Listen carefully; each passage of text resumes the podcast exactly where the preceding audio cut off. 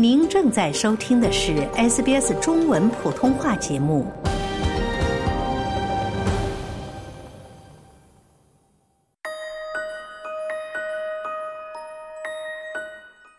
讲故事的方式不止一种，魔法、神话和奇幻在探索通常难以言喻的事物时发挥了作用。With this the structure that we have, it can sometimes name and 我们有了这个结构，有时可以命名一些无法言说的东西，一些禁忌，或者是一些真正深藏在某人内心深处的东西。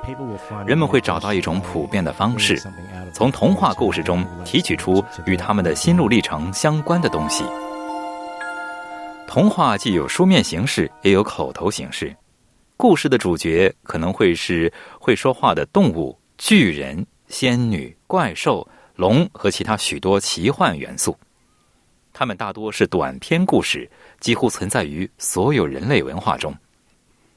澳大利亚童话协会是一个非营利性团体，专门组织讨论和编写童话故事。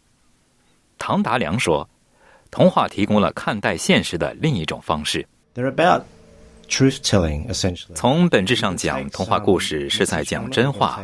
我们可以从中汲取一些信息，有时我们可以从中汲取道德信息。我们可以用多种方式来诠释它。唐达良是一名作家和律师，目前正在撰写一本回忆录。他还是2014年出版的寓言故事《狼难民》的作者。该书改编自欧洲童话《三只小猪》。我想，我可以用这个故事来讲述一个接纳难民的故事。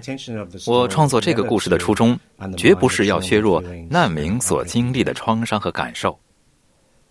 在原版的欧洲故事中，第一只小猪用稻草盖了一座房子，但狼来了，把房子吹倒，吃掉了小猪。同样的事情也发生在第二只小猪身上，不过它是用树枝搭建了一座房子。但第三只小猪用砖头盖了一座更坚固的房子，狼无法摧毁它，小猪成功的活了下来。相反，狼在试图摧毁更坚固的房子的过程中死了。对这个故事的一种解释是，献身精神和辛勤工作会带来回报，就像那只幸存的小猪一样。但唐达良对这个故事的在创作中，他把狼描绘成一个难民，而不是捕食者。和小猪一样，狼只是在寻找一个可以称之为家的地方。I queued up behind some of the other wolves. 我排在其他几只狼的后面，悬浮在半空中的液晶大屏幕上，黑底白字写着 Beware of refugee wolves that say, Let me in, let me in.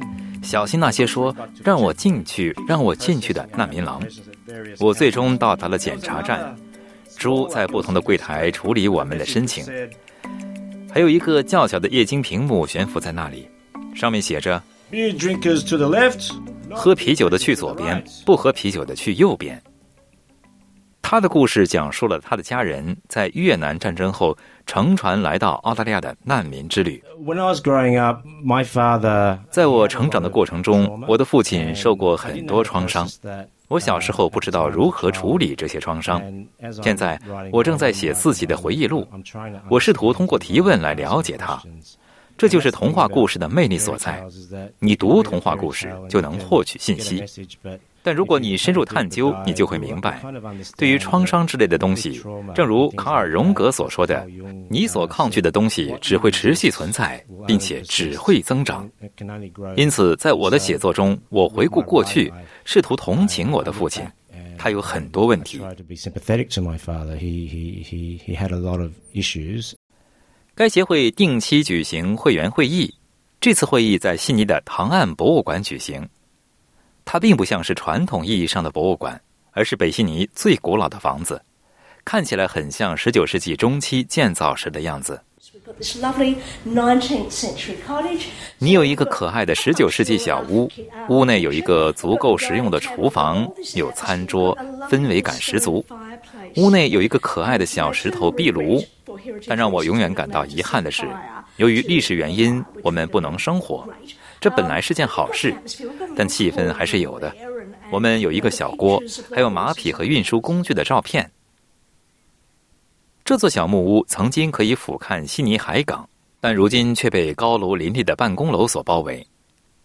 我们的导游是童话协会的主席和创始人之一乔·亨伍德，他和其他成员正在讨论一个埃及童话故事——命有劫难的王子。直到今天，这个故事的结局仍然是个未知数。故事的寓意是什么？要看情况，因为我们不知道结局，这取决于我们选择哪种结局。那你们选择哪个结局呢？童话故事往往融合了魔法和悲剧的元素。乔·亨伍德说：“很多童话故事都是成长故事，涉及到我们现在所说的功能失调的家庭。童话故事《命有劫难的王子》也不例外。关于澳大利亚的童话与世界其他地方的童话有何不同，乔·亨伍德说没有明确的答案。”我们是一个移民国家，因此你会有各种不同的视角和不同的观察方式。澳大利亚没有统一的声音，这就是为什么我们的艺术能创造出如此多不同的镜子，让如此多不同背景的澳大利亚人在这些故事中看到自己。澳大利亚复杂的原住民历史使得界定什么是澳大利亚童话变得更加复杂。许多早期的澳大利亚童话。通常将原住民与神话生物融合在一起。一些研究人员认为，许多原住民故事之所以不为人知，是因为他们并不是真正的童话故事。相反，他们是秘密或神圣的故事，按照文化习俗，只有在特定情况下才能重述。唐达良说：“创作新的童话故事或重新诠释旧童话故事，是审视澳大利亚复杂历史的一种温和方式。” I think it's a safe way because we're we're trying. 我认为这是一种安全的方式，因为我们试图想象，如果我们以合理的方式展开讨论，社会会是什么样子。我们希望让更多的人参与进来。我们希望承认那些经历过艰难生活的人，他们可能受过创伤，诸如此类。我觉得这很合适。如果你喜欢的话，这就像是一件外衣或一层面纱。当你揭开面纱时，你就能看透一切。该协会正在创建一个数据库，收录澳大利亚原创童话、童话改编作品、解释和评论等。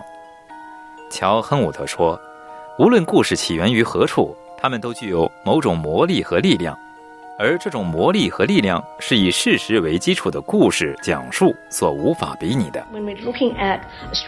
当我以我们的视角、我们的故事来审视澳大利亚的童话故事时，这些在如此遥远、如此久远之前创作的故事中，蕴含着足够的线索。他们有这种力量，而且由于心理层面的存在，这些故事既具有普遍性，又极具地方特色。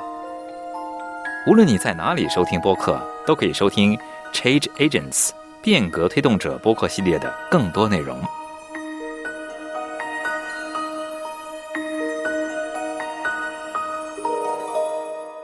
想在 SBS 当一回影评人吗？SBS On Demand 正在推送配有中文字幕的热门影视作品。您只需观看一部或以上影视作品，并把影评观后感发给我们，就有机会赢得一份 SBS 精美礼品。